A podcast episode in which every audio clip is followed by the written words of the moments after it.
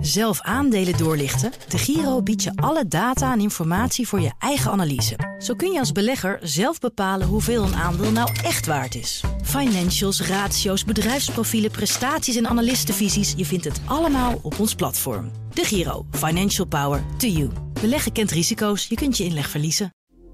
Dit is een BNR-podcast.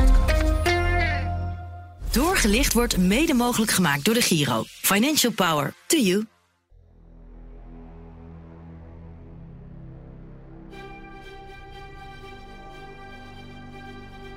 De vlag kan uit bij ASML. Een Amerikaanse klant heeft 15 nieuwe chipmachines We besteld. moeten het ook hebben over de chipsoorlog tussen de VS en China. Ja, want dat zagen we natuurlijk al aan aankomen. Dat is natuurlijk geen verrassing. China has been taking advantage of the United States for many, many years. Dat heeft ook gevolgen voor onze chipsindustrie, voor bedrijven als I'm ASML. a businessman. I'm not a politician. You know, there are rules and regulations, and we'll just uh, have to live by them.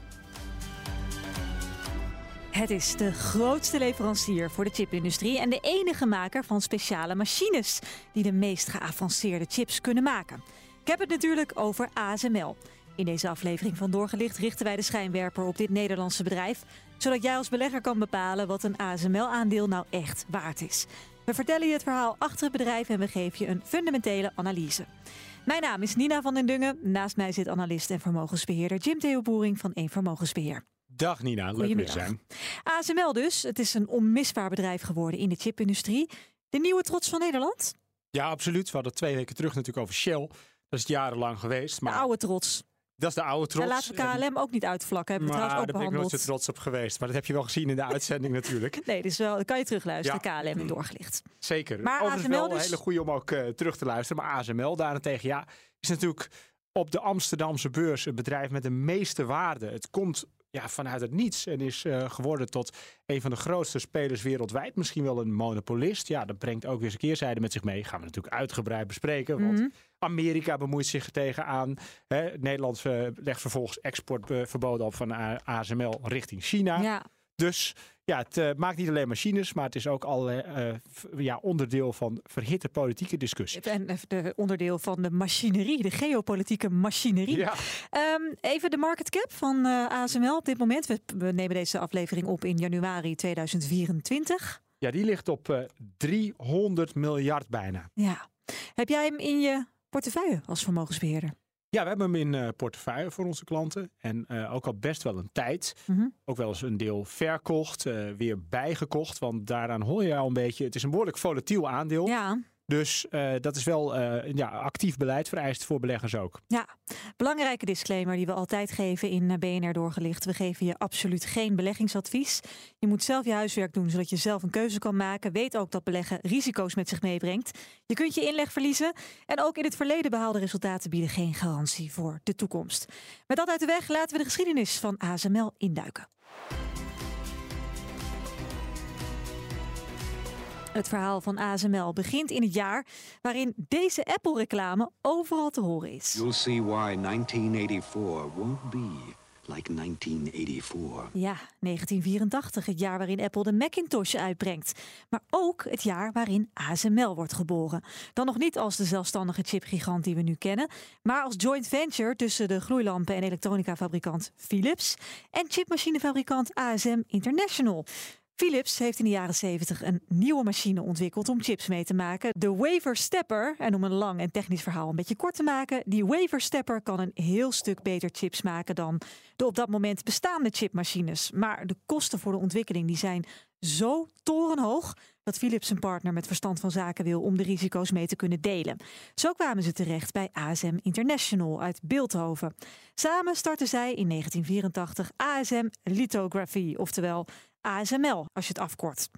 De joint venture begint met 100 werknemers die in een houten bijgebouw van het Philips kantoor aan de slag gaan.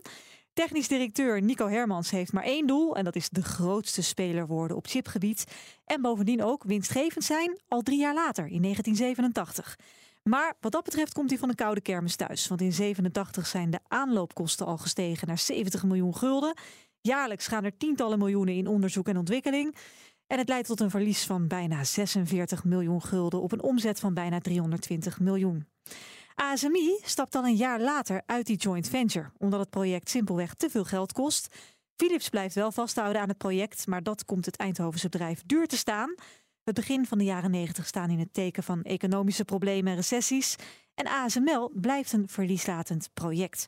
Zo heeft het bedrijf onder andere een noodlening van 36 miljoen gulden van Philips nodig om te overleven. Maar gelukkig voor het bedrijf komen er ook injecties van de Nederlandse overheid. En ook vanuit Europa, vanuit Brussel, waardoor het bedrijf toch op het nippertje wordt gered. In 1993 draait ASML voor het eerst winst. Ruim 28 miljoen gulden. En toch besluit Philips om ASML dat jaar geleidelijk te gaan afstoten. Om zich meer te kunnen focussen op de eigen elektronica-activiteiten. De bedoeling is om een belang van zo'n 25% over te houden. En Philips vertrouwt er ook echt wel op dat ASML op eigen kracht verder kan gaan. Dat vertrouwen blijkt terecht, want ook in de jaren daarop maakt ASML winst. In 95, dus 11 jaar na de oprichting, is het tijd voor de beursgang van ASML, Jim. Ja, want dat was natuurlijk de manier voor Philips om een groot deel van het belang te gelden te maken. Dus dat gaan ze ook doen. En uh, daarbij wordt weer gekozen voor de zogeheten dual listing. Dus 60% van de aandelen gaat naar de Amerikaanse Nasdaq en de andere 40% die gaat naar de Amsterdamse beurs op Mhm. Damrak. Nou, in totaal gaan er 8 miljoen aandelen naar de beurs. Uh, ze geven ook nog eens 3 miljoen extra aandelen uit om vers kapitaal op te ha halen. Philips houdt wel een belang van 62%. Maar Philips krijgt ook 200 miljoen gulden. En daarnaast zijn er natuurlijk ook nog uh, extra uh, euro's, of guldens moet ik zeggen, Mhm. uh, voor ASML, voor verdere ontwikkeling. En de aandelen die gingen toen naar de beurs voor zo'n 15 dollar. Oké. In 1997, dus twee jaar later, volgt er een tweede emissie, die Philips op dat moment 260 miljoen dollar oplevert. Dan is ook het doel behaald om het belang in ASML terug te brengen van Philips hè, naar 25 procent. In hetzelfde jaar begint ASML met onderzoek naar de extreem ultraviolet lithografie, de EUV. Nieuwe techniek die ultraviolet licht gebruikt om nog betere chips te kunnen maken. In het verlengde van dat onderzoek wil ASML rond de millenniumwisseling de Silicon Valley Group overnemen. Maar daar is één cruciaal persoon niet zo heel blij mee. The enemies of liberty in our country should make no mistake. America remains engaged in the world by history and by choice, shaping a balance of power that favors freedom. Zo, die stem heb ik al even niet gehoord. Het is de voormalige Amerikaanse president George W. Bush. Na zijn beëdiging aan het begin van 2001 is hij toch echt niet van plan om Amerikaanse technologie zomaar aan buitenlandse bedrijven te overhandigen. Hij is bang dat de technologie van de Silicon Valley Group, die ook voor spionagesatellieten wordt gebruikt, dat die in handen komt van landen als China. Hè? Zodra de Silicon Valley Group samengaat met de ASML. Daar zit een risico aan, vindt George W. Bush. Dus hier zie je al dat die geopolitieke spanningen rondom dit onderwerp uh, beginnen, toch Jim? Ja, dat klopt. Kijk, de macht die verschuift nu natuurlijk geleidelijk aan van de VS naar China. Dat begon toen al. China werd echt een wereldmacht en dat beangstigde de Amerikanen. En dan zie je dus dat de bedrijven die er eigenlijk tussen staan als een soort speelbal worden gebruikt en ingezet om het de, de vijand, noem ik het maar eventjes, lastig te maken. Ja, maar goed, uiteindelijk wordt er onderhandeld, worden er voorwaarden gesteld en kan ASML de Silicon Valley Group toch overnemen. Daarmee krijgt het bedrijf ook een nieuwe, hele belangrijke klant erbij, Intel. Het duurt niet lang voordat ASML echt de grootste chipmachineleverancier ter wereld wordt. De grote concurrent van ASML op dat vlak is Nikon op dat moment, tegenwoordig vooral bekend van de fotografie. Nikon was de grootste, maar wordt in 2001 van de troon gestoten. Toch is 2001 financieel gezien geen succesjaar voor ASML, want het bedrijf leidt bijna 500 miljoen euro verlies. Dat komt vooral natuurlijk door die overname van de Silicon Valley Group. En pas in 2004 wordt er weer winst gedraaid. Intussen is ASML druk bezig met de ontwikkeling van die EUV. In 2006 worden de eerste prototype machines verscheept naar onderzoekscentra in onder meer België en de Verenigde Staten. En vier jaar later, in 2010, gaat er nog een EUV-machine naar een onderzoekscentrum van Samsung in Zuid-Korea. Daar wordt dan First Light bereikt op kerstavond. Wist jij wat dat is? First Nou, Light? Wel, wel uh, qua kerst, maar. Nee. First Light is een term uit de astronomie. Wat eigenlijk wil zeggen dat een apparaat voor het eerst succesvol in gebruik wordt genomen. Dus First Light, dat is een ontzettende mijlpaal in dit geval. Toch lukt het dan nog niet meteen om de EUV-chips op grote schaal commercieel te gaan produceren. Pas in 2019, na veel overnames en investeringen, komen de eerste echte EUV-machines op de markt. En ASML is dan dus de enige die die machines heeft. Concurrenten als Nikon, maar ook Canon, die gaven de EUV-onderzoeken al in 2011 op. En ja, ASML is dan dus monopolist in de markt. Dat is niet niks. EUV-machines maken de meest geavanceerde chips. Iedereen die serieus in de techsector zit, heeft die chips nodig. En dat wordt alleen maar duidelijker als dit gebeurt in 2019. Grootschalige bedrijfsspionage bij ASML. Een aantal Chinese werknemers heeft geheime informatie gestolen van de chipmachinefabrikant.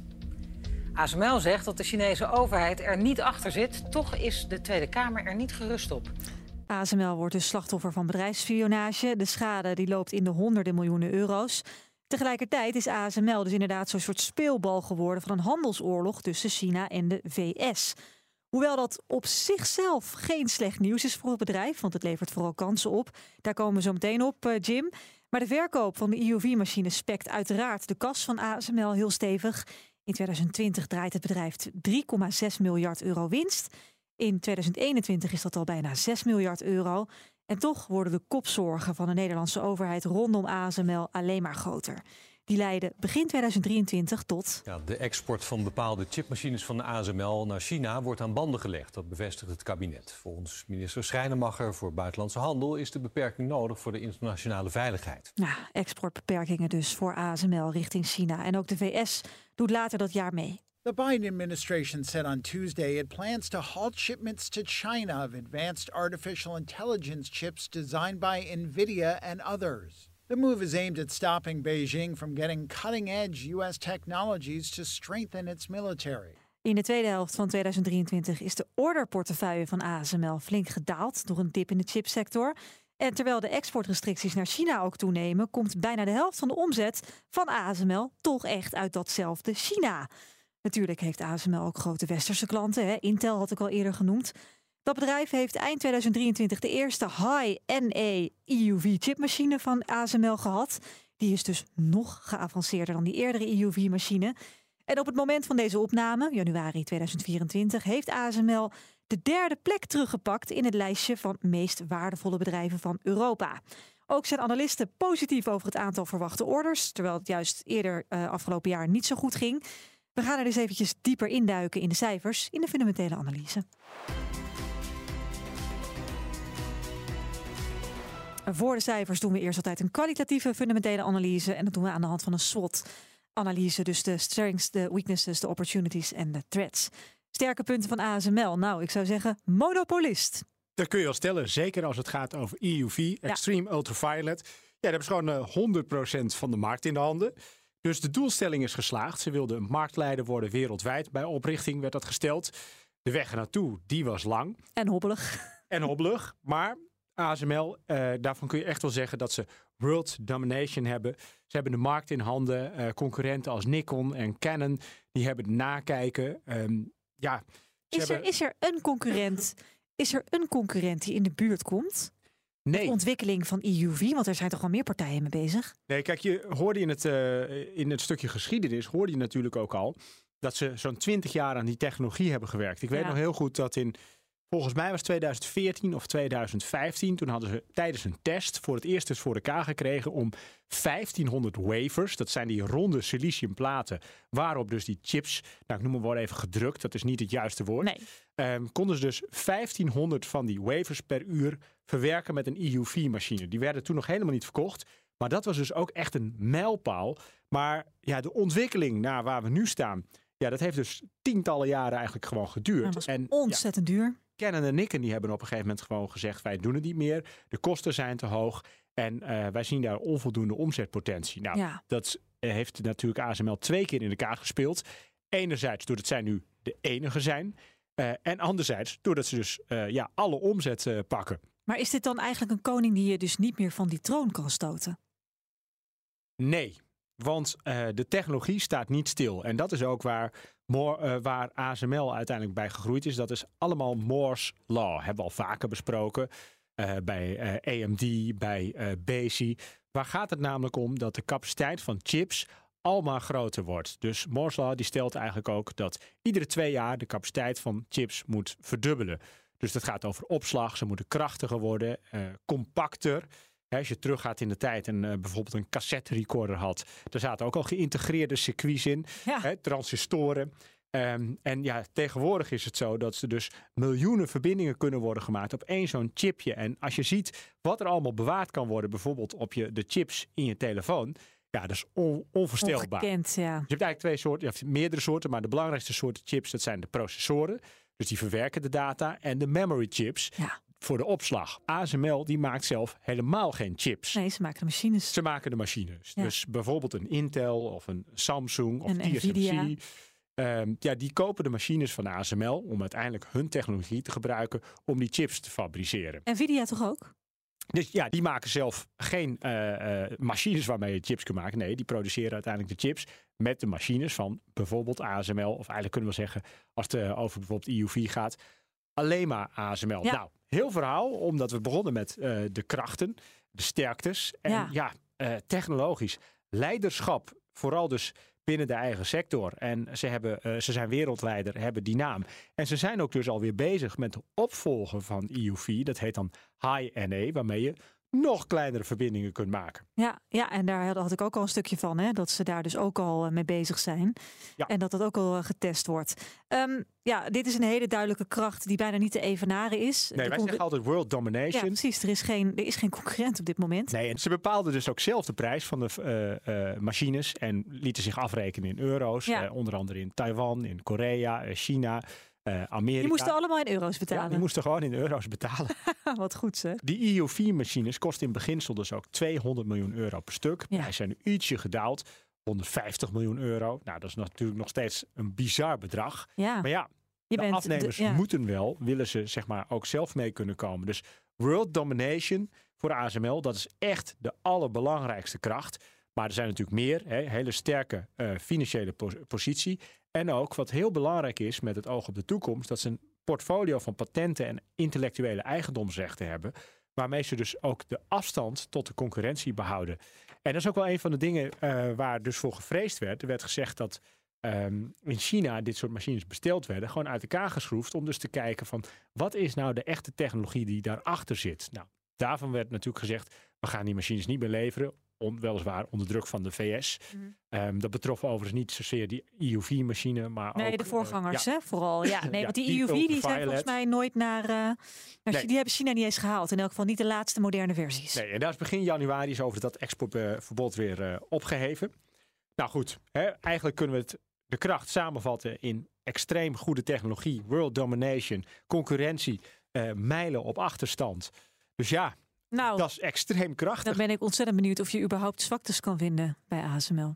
Nou, eh, dat relateert direct ook aan China. De invloed die de VS heeft door oplegging van exportverboden. Als jij belegger bent, is het helemaal niet fijn als de omzet ineens onder druk komt staan door eigenlijk politieke bemoeienis. Dus dat is echt wel een zwakte op dit moment. Of eh, ja, zwakte en ook een En bedreiging. een bedreiging, ja, ze allebei natuurlijk. Ja. En, eh, ASML kan niet anders dan luisteren. Want als je een exportverbod krijgt, dan is het gewoon... Ja, jammer joh. Ja, dat klopt. Ik kan me wel voorstellen dat ze het er eh, mee oneens zijn. dat de VS Nederland dwingt om uiteindelijk eh, te- aan ASML te vertellen dat ze dat niet mogen doen. Maar ja, dan wordt het wel echt geopolitiek. Want Nederland weet dat ze in geval van nood de steun van de VS hebben, militair. En misschien niet meer als ASML dus eh, wel machines exporteert naar China. Ja. Ehm, ja, wat ook wel een zwak punt is, is dat er natuurlijk continu uitdagingen liggen ehm, op het gebied van technologie. Waarom? ASML moet mee naar de volgende stap in technologie. En dat vergt hoge kosten, productiekosten, maar ook risico's. Want ze worden heel erg afhankelijk van personeel. Dat personeel staat ook sterk, want die kunnen op een gegeven moment natuurlijk hogere salarissen vragen. Dus ja, ze zijn wel op een bepaalde manier afhankelijk. Ja, ja. Oké, dan de kansen.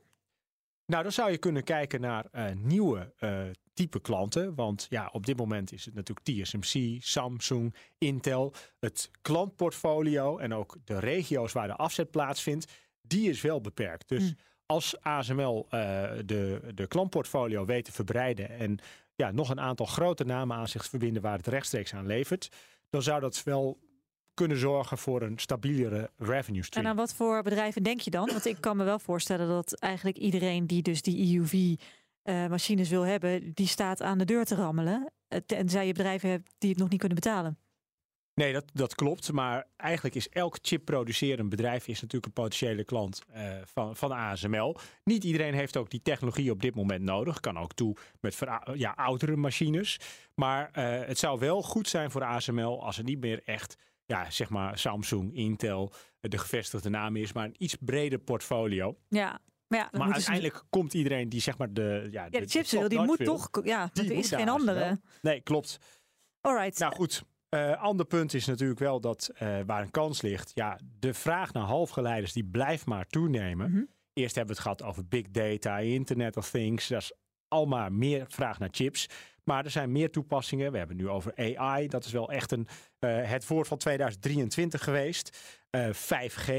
Ja, dat betekent wel dat als ASML ja, daar op in blijft spelen, dat het marktaandeel ook alleen nog maar verder kan groeien en de omzet alleen nog maar verder kan groeien. Dus kansen te over. Ja. Nou, we komen zo op de cijfers en dan zie je ook dat ASML die kansen altijd goed benut heeft en eigenlijk altijd meer geleverd heeft dan Mhm. wat ze aan beleggers beloofden. Ja, uh, dan hebben we uh, nog de bedreigingen voordat we die cijfers gaan bekijken. Ja, nou laat ik dan maar niet meteen met het aller voor de hand uh, liggende punt gaan beginnen. Maar wat we nog niet hebben besproken, wat eerder wel een probleem was, supply chain problemen. Dat was in de hele chipsector natuurlijk de situatie. Tijdens corona was dat Ja. echt een ramp, ja. En vooral bijvoorbeeld bij, nou ja, zeg even zelfs autobouwers, die hadden een probleem omdat ze chips niet konden krijgen. Maar ASML kan ook problemen krijgen in de toelevering van materialen. En dat is een bedreiging, maar ook op het vlak van personeel.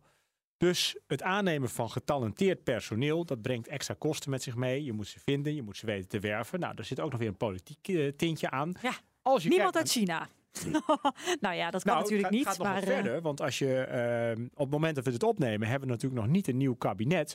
Maar die willen toch wel heel erg de rem zetten op buitenlanders naar Nederland laten komen. Ja, maar, buitenlandse werknemers, dat wordt een, ja, misschien wel beperkt. We weten het nog natuurlijk niet. Nee, maar... maar dat is wel een bedreiging Ja. voor ASML. Want uh, als je in de fabriek in Veldhoven komt, nou, het is niet dat Nederlands daar de voertaal is. Nee, precies.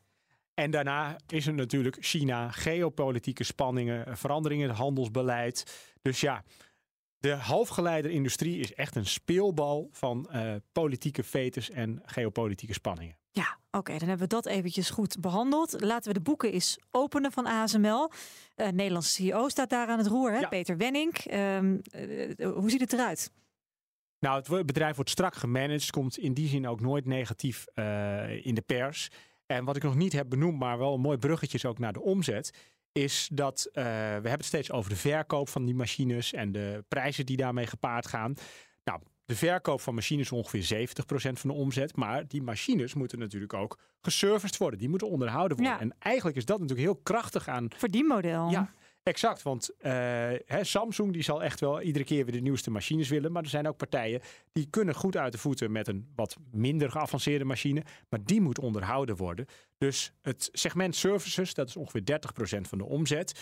Ja, dat geeft stabiliteit. De installed base, zoals beleggers dat noemen, van die machines, die zorgt ervoor dat er ook een vrij constante omzet is naar de toekomst toe.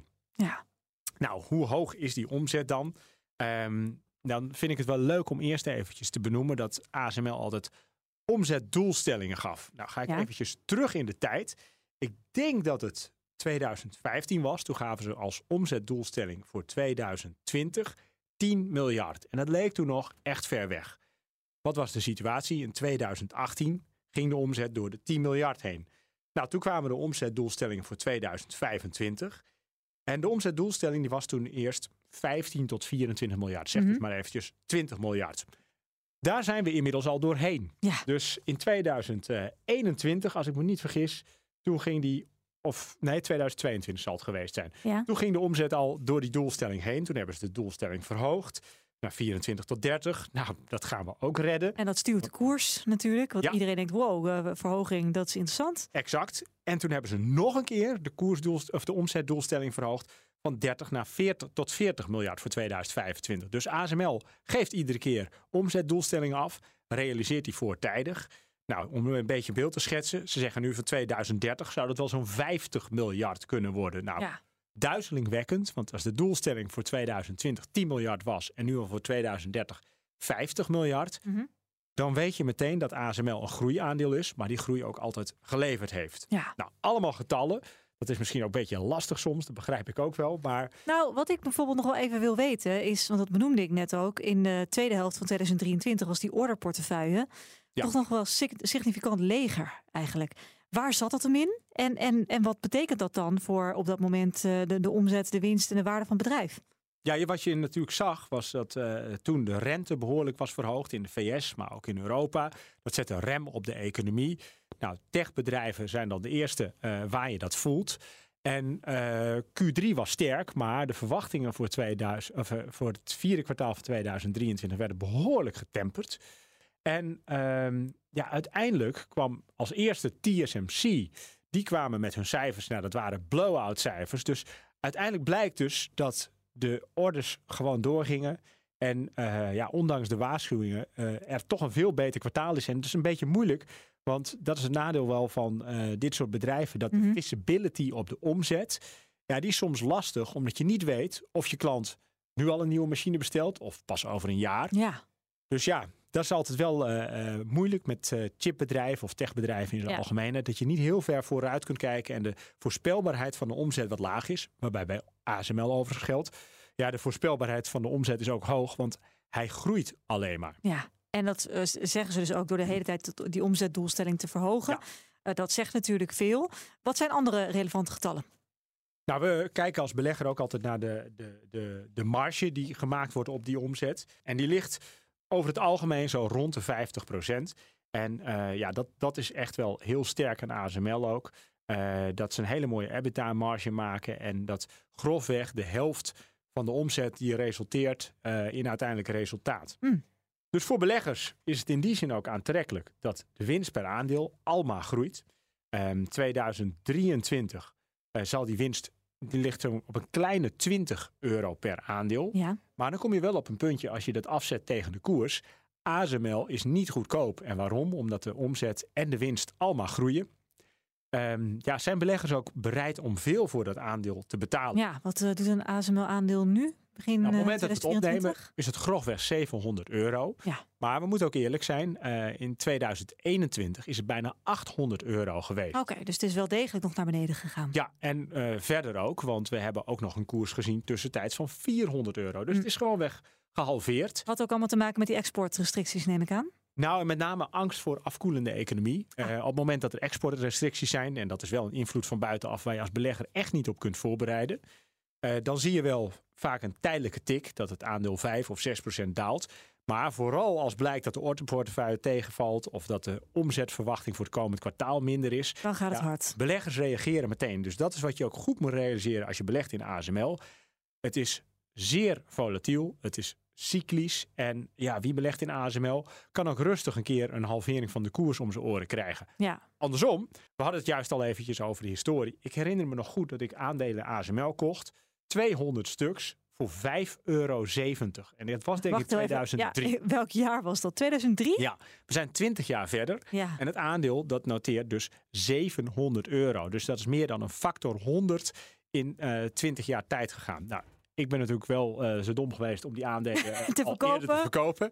Ehm, en anders was het ook een groot deel van de portefeuille eh, geworden. Maar het geeft wel even goed aan waar ASML vandaan komt. Ja. Toen ook verliesgevend. En ja, waar ze nu staan. Ja. Oké, dus dat is mooi. Als we kijken naar de schuldpositie. Nou, je voelt hem denk ik al aankomen. ASML heeft geen schulden. Het heeft een paar miljard op de bank staan. En wat wel goed is, het dividend dat is niet zo hoog. Eh, eh, ja, aandeelhouders die krijgen wel dividend. En dat is ook wel oplopend. Het was in 2021 5,5 euro, 2022 kleine 6, Ja. 2023 6,5. Het loopt geleidelijk op. Maar zet je dat op te- af tegen de koers, dan is het nog geen procent. Nee. Maar ASML koopt bijvoorbeeld tot 2025 wel voor 12 miljard aandelen terug. Dus 4% van alle aandelen wordt ongeveer teruggekocht. En dat is gunstig, want er zijn er minder aandelen. Hoeft de winst over minder aandeelhouders verdeeld te worden. En krijg je uiteindelijk een hogere koers. Ja. Eh, ik denk dat wij genoeg informatie hebben om naar een conclusie te gaan.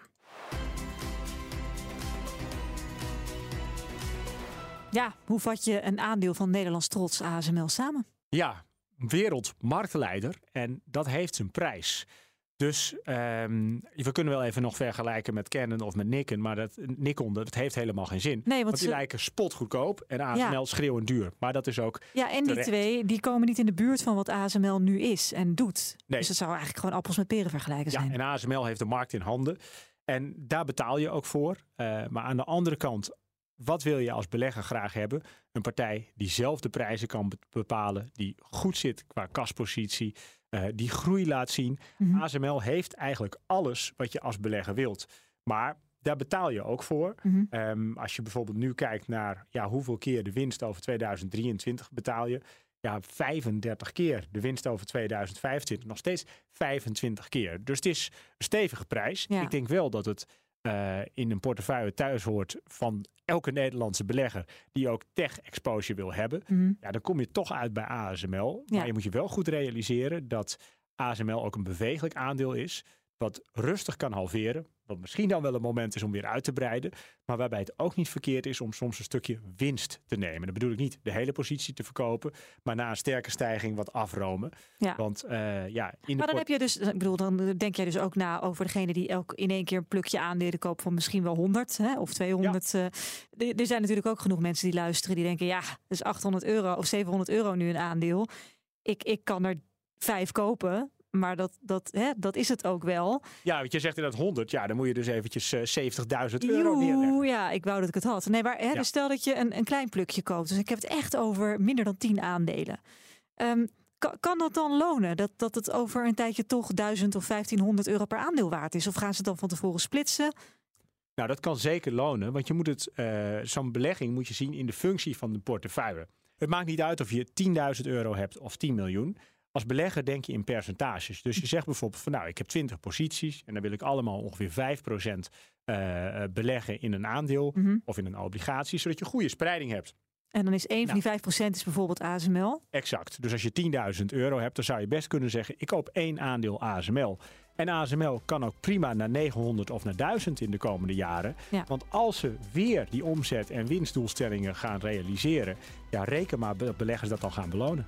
Dit was ASML doorgelicht. Dankjewel voor het luisteren. Abonneer je vooral in je favoriete podcast app als je er nog veel meer wil horen. Want we hebben al zo, volgens mij al 25 aandelen doorgelicht die het meest verhandeld worden via het platform van onze trouwe sponsor, de Giro. Daar kun je ook heel veel analyses, inlichtingen, andere cijfers lezen die voor jou eh, mogelijk relevant zijn als je je verdiept in het beleggen en je overweegt om aandelen te kopen. Elke week nemen Jim en ik een van de meest verhandelde aandelen onder de loep. Dat blijven we de komende maanden ook doen. Dus lekker abonneren en dan eh, word je Op een stuk wijzer. 25. Dat lijkt me een goed idee. Mijn naam is Nina van den Dungen. En ik ben Jim Theopoerik. Doei doei. Doorgelicht wordt mede mogelijk gemaakt door de Giro. Financial Power to you.